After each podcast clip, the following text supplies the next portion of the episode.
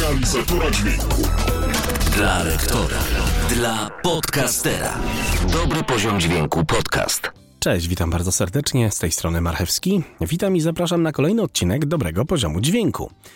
A dzisiaj temat, który ostatnio bardzo często podnoszą moi kochani kursanci. Bardzo, bardzo, bardzo serdecznie dziękuję za zakup kursów, który ostatnio, no nie da się ukryć, sprzedaje się coraz lepiej. Dobry poziom dźwięku.pl, a tam Czekają na Was lekcje z Reapera, lekcje z ustawiania korekcji, kompresji, normalizacji i wielu innych. Dobry poziom dźwięku.pl. Druga moja strona to darekmarchewka.pl i jeszcze dobry poziom dźwięku.online, czyli dobry poziom dźwięku.online. No i przechodzimy do meritum sprawy. Dzisiaj taki temat, który w 2017 roku mm, ja y, no, tym tematem się zajmowałem, czyli temat, który mnie bardzo dotyczył, no i dotyczy wielu z Was. Dla lektora, dla realizatora dźwięku, dla podcastera a mianowicie pianki akustyczne. Na mojej stronie na darekmarchewka.pl i na dobry poziom dźwięku online znajdziecie taki wpis, który nazywa się.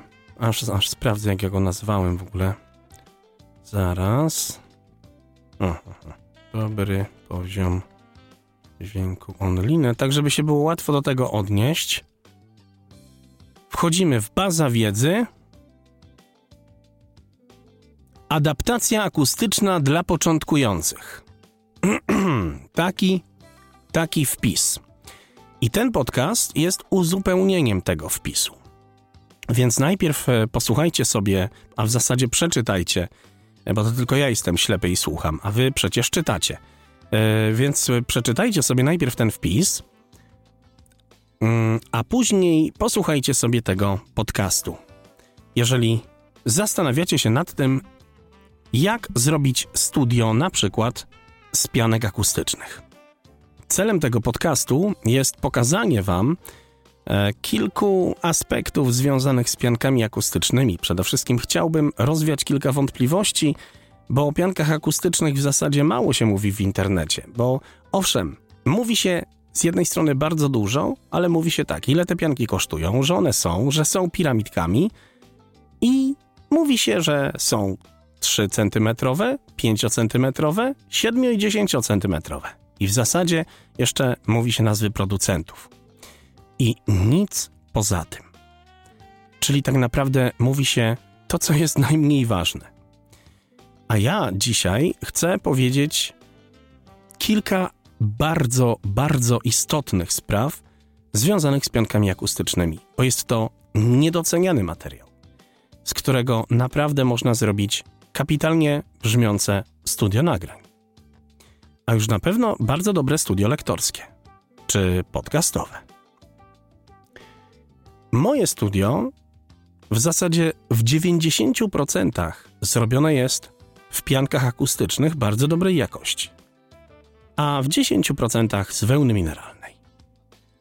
Jeżeli chodzi o wełnę mineralną, mam dwa bardzo duże parawany na kółkach, grube dwustronne, obite tkaniną i wełną mineralną oraz jeden ekran z wełny mineralnej, który jest po mojej lewej stronie i stoi obok mnie na moim biurku, na moim stanowisku lektorskim. Całe moje studio, a jest to dość duże pomieszczenie, bo nagrywam i podcasty, i zlecenia lektorskie, ale też przychodzą do mnie ludzie i nagrywają E, swoje wokale.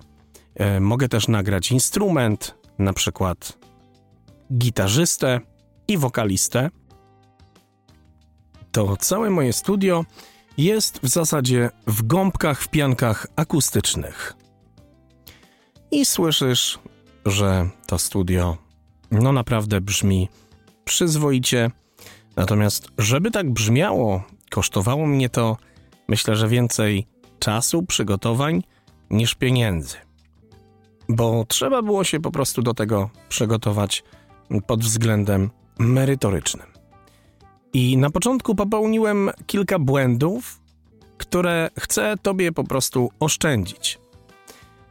I teraz tak, na początku uświadommy sobie kilka spraw, mianowicie gąbka gąbce nierówna.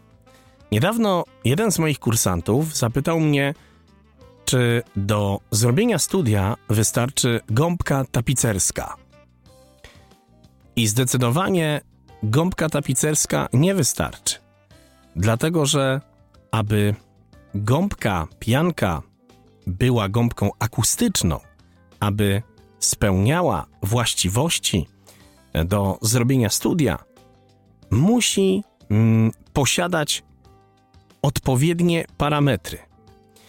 I najważniejszą tak naprawdę, najważniejszym tak naprawdę parametrem, aby gąbka mogła nam zapewnić pochłonienie odbić i poprzez e, przemienienie tych e, odbić e, w, tak naprawdę w energię cieplną, no bo gąbka pochłania fale stojące, pochłania pierwsze odbicia, pochłania te częstotliwości, na których mamy pogłos i po prostu przemienia je tą energię w energię cieplną. Tak najprościej rzecz ujmując działa e, pianka akustyczna. Żeby tak się stało, to pianka musi mieć odpowiednią gęstość. I tu jest klucz całej sprawy. Nie wiem, jaką gęstość mają e, gąbki tapicerskie, natomiast gęstość jest najważniejsza, jak chodzi o e, pianki akustyczne. I gęstość pianki akustycznej przyjmuje się na 40 kg na metr kwadratowy. 36 albo 40 kg na metr kwadratowy. To jest najważniejszy element tak naprawdę całej układanki. Kolejnym elementem jest otwarta, tak zwana porowata struktura gąbki akustycznej. Teraz wróćmy jeszcze do gęstości pianki akustycznej. Co to znaczy gęstość gąbki, gęstość pianki akustycznej? To jest proces powstawania tej pianki akustycznej. Jest maszyna, jest pianka, czyli ten materiał poliuretan i substancja zgęszczająca. I cały proces polega na tym, że maszyna łączy poliuretan razem z substancją zgęszczającą, następnie rozdrabnia całą e, opcję, o której wspomniałem, a później znowu z powrotem razem to wszystko łączy. I później od nowa rozdrabnia i łączy. I tak cały czas. I na tym polega zgęszczenie pianki akustycznej.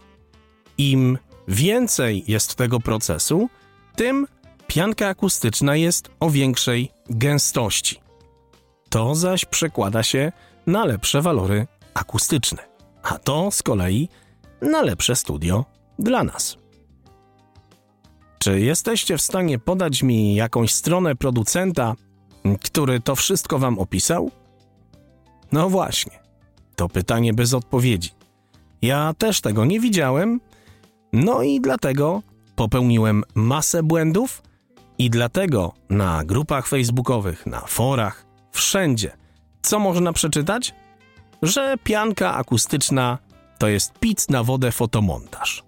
Albo, że zrobimy studio z piramidek i wystarczy kupić a, zwykłe piramidki za 7 zł. Wystarczy na przykład kupić piramidki 3 cm, położymy takie piramidki, przykleimy jakimś byle jakim klejem i już będzie studio. Inna szkoła, no na przykład mówi, że piramidki to nie, to jest po prostu totalny kicz. Tylko wełna mineralna, bo piramidki to jest to samo co wytłoczki od jajek. Ani jedno, ani drugie nie zrobi nam studia, bo piramidki nic nie dadzą. E, jak był pogłos, tak jest kiepskie piramidki w ogóle do wyrzucenia. A jakby się tak właśnie posłuchać, przyjrzeć, tak jak ja zacząłem zgłębiać temat w 2017 roku i później zacząłem coraz więcej czytać o tym, co teraz Wam mówię, zaczęło to wszystko mieć sens. Bo kolejnym elementem, jeżeli chodzi o piramidki, to opcja tak zwanych pułapek basowych. O pułapkach basowych powiemy w następnym odcinku. W kolejnym odcinku zaś powiemy, jak mocować piramidki i inne panele akustyczne z gąbki, a w innym odcinku powiemy o tym, w jaki sposób mocować tak zwane pułapki akustyczne, bastrapy z pianek. Wszystkiego dobrego. Zapraszam do dołączenia do mojej grupy na Facebooku. Dobry poziom dźwięku podcast. Cześć!